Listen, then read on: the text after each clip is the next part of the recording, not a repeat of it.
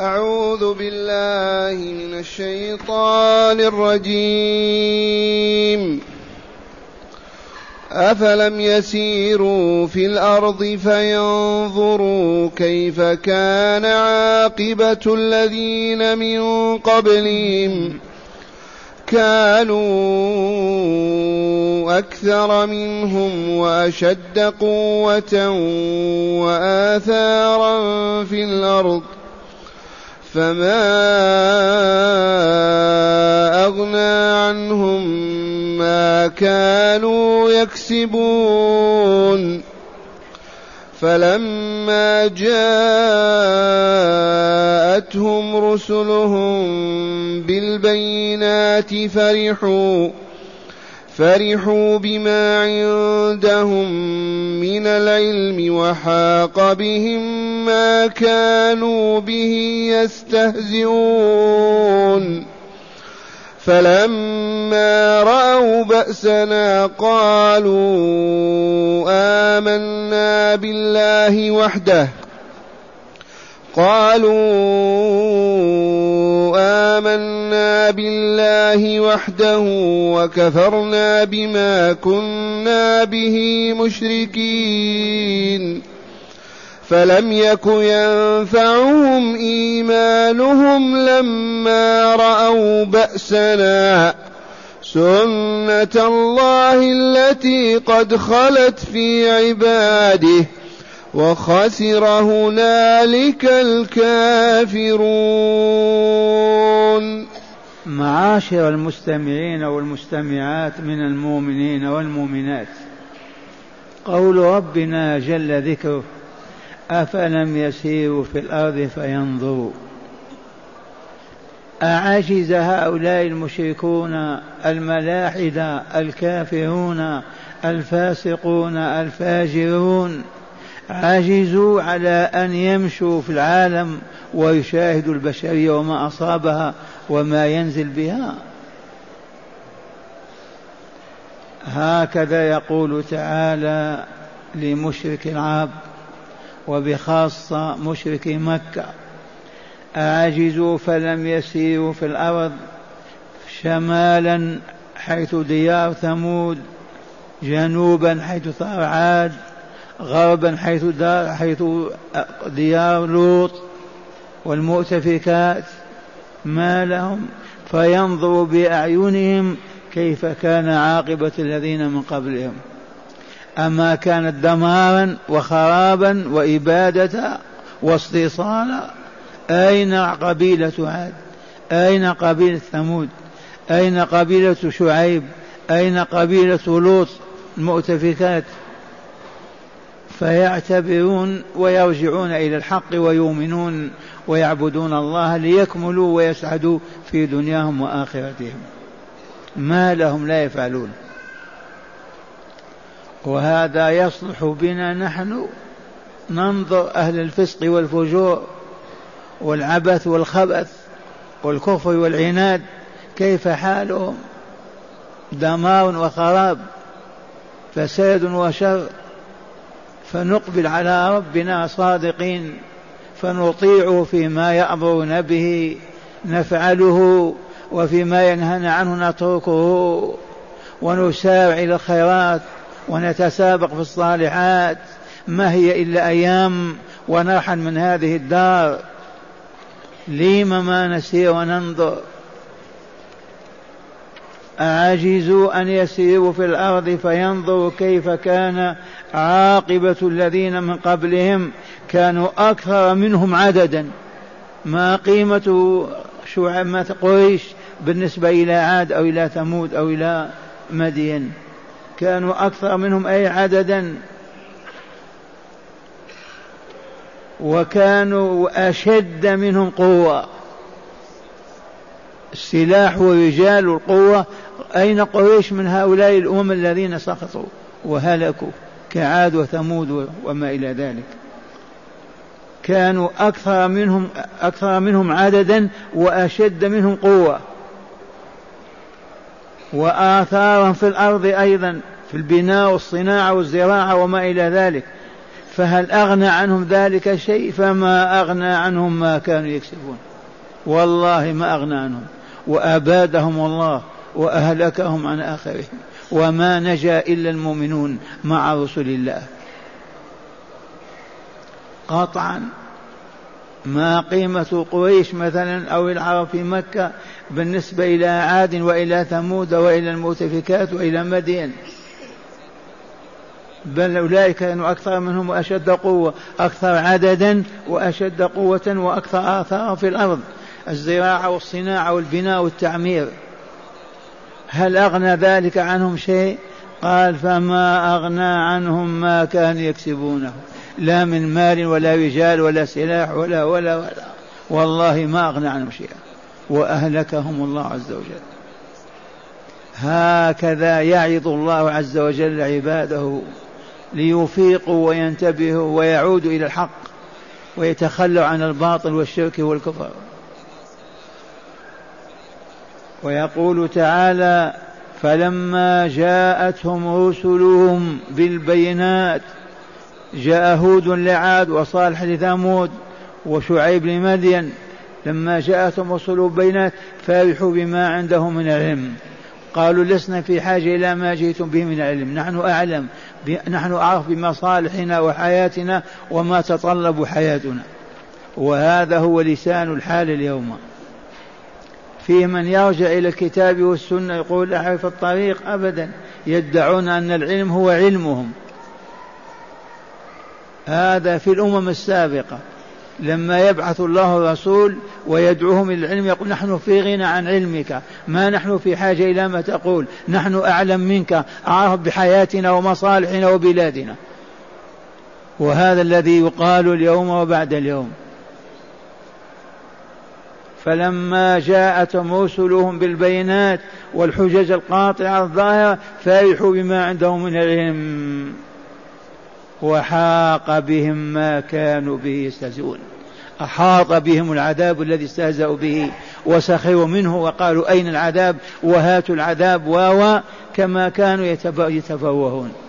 أحاط بهم وأهلكهم الله. وحاق بهم ما كانوا به يستهزئون.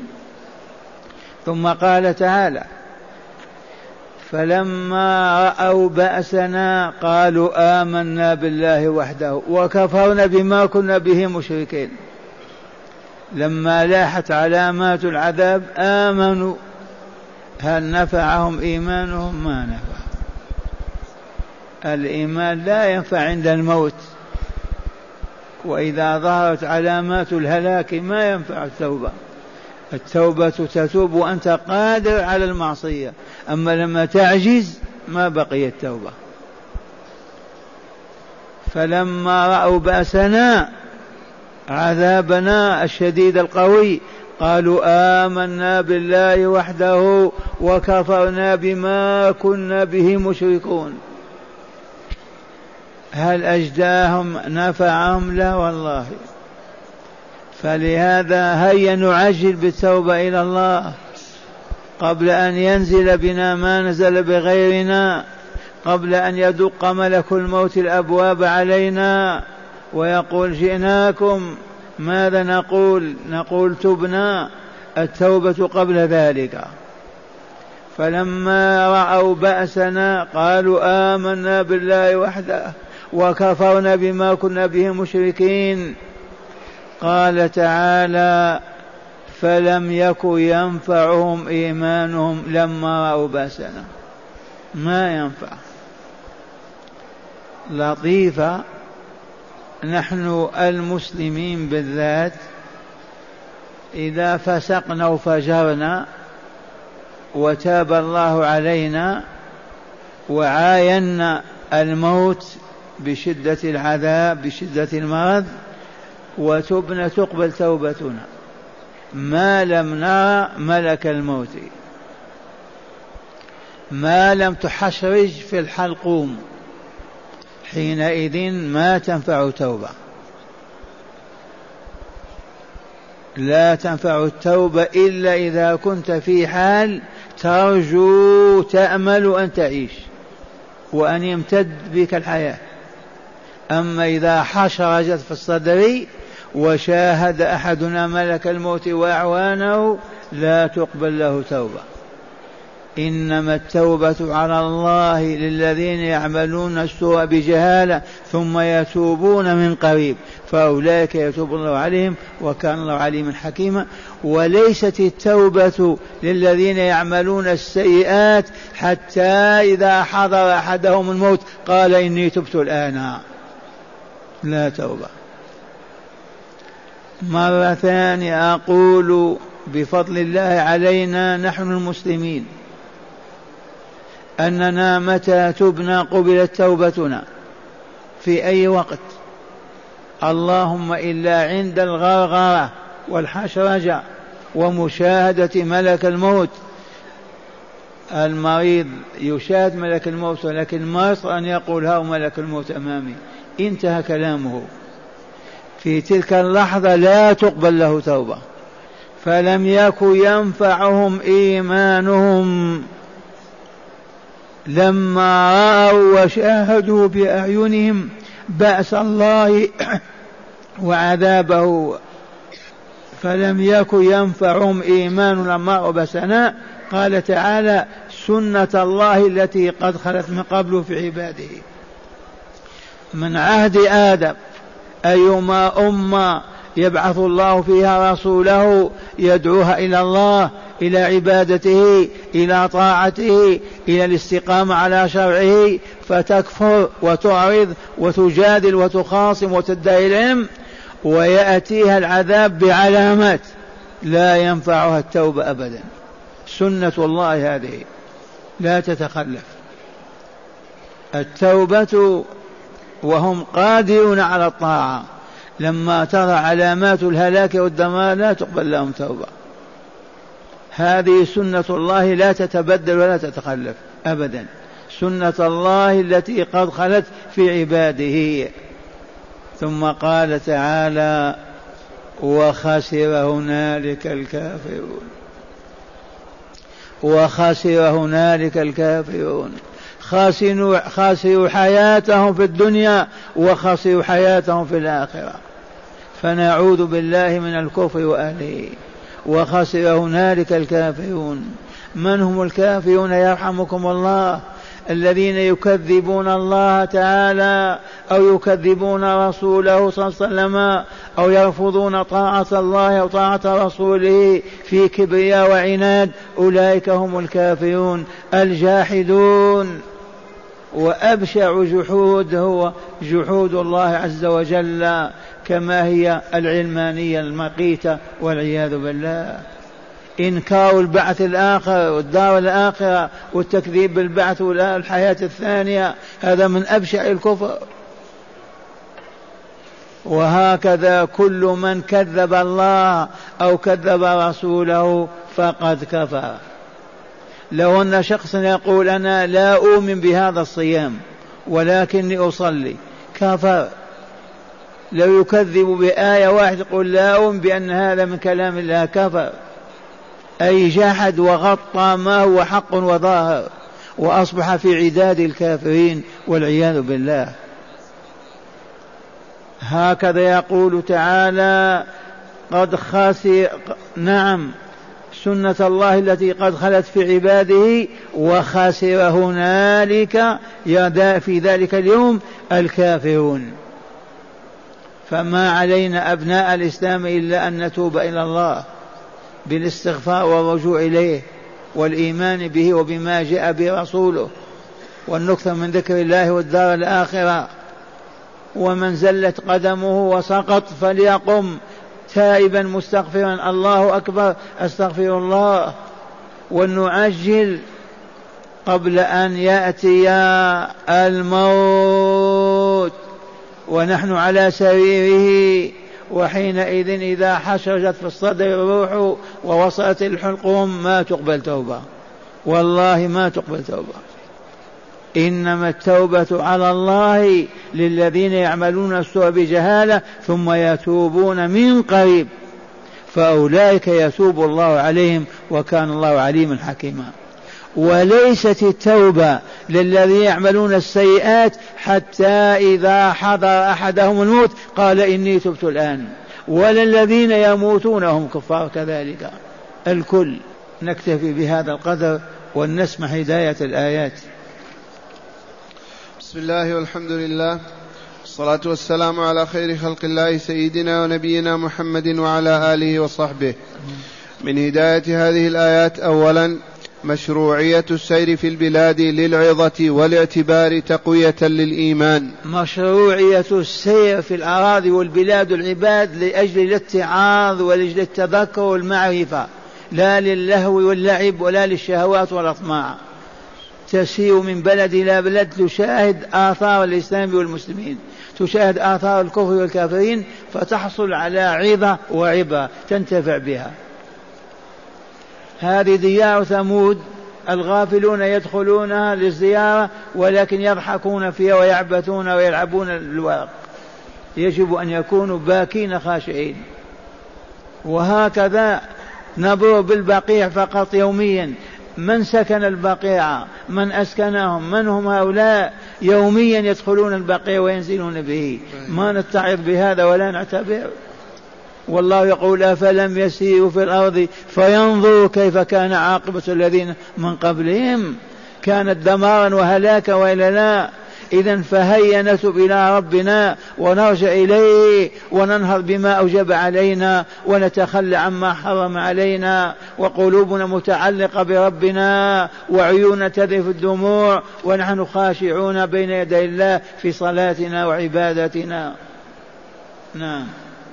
ثانيا القوى المادية لا تغني عن أصحابها شيئا إذا أرادهم الله بسوء. نعم. القوة المادية والله ما تغني عن أصحابها شيئا إذا أرادهم الله إذا أراد إهلاكهم ودمارهم. وشاهدنا في الحروب الدولة العظيمة القوية يأكلونها ويحطمونها. ما تتبع شيئا.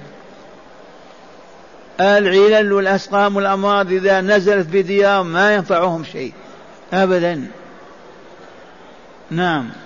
ثالثا وأخيرا بيان سنة بشرية وهي أن الماديين يغترون بمعارفهم المادية ليستغنوا بها عن العلوم الروحية في نظرهم إلا أنها لا تغني عنهم شيئا عند حلول العذاب بهم في الدنيا وفي الآخرة. اعد هذا بتأني وفصل حتى يسمعوا.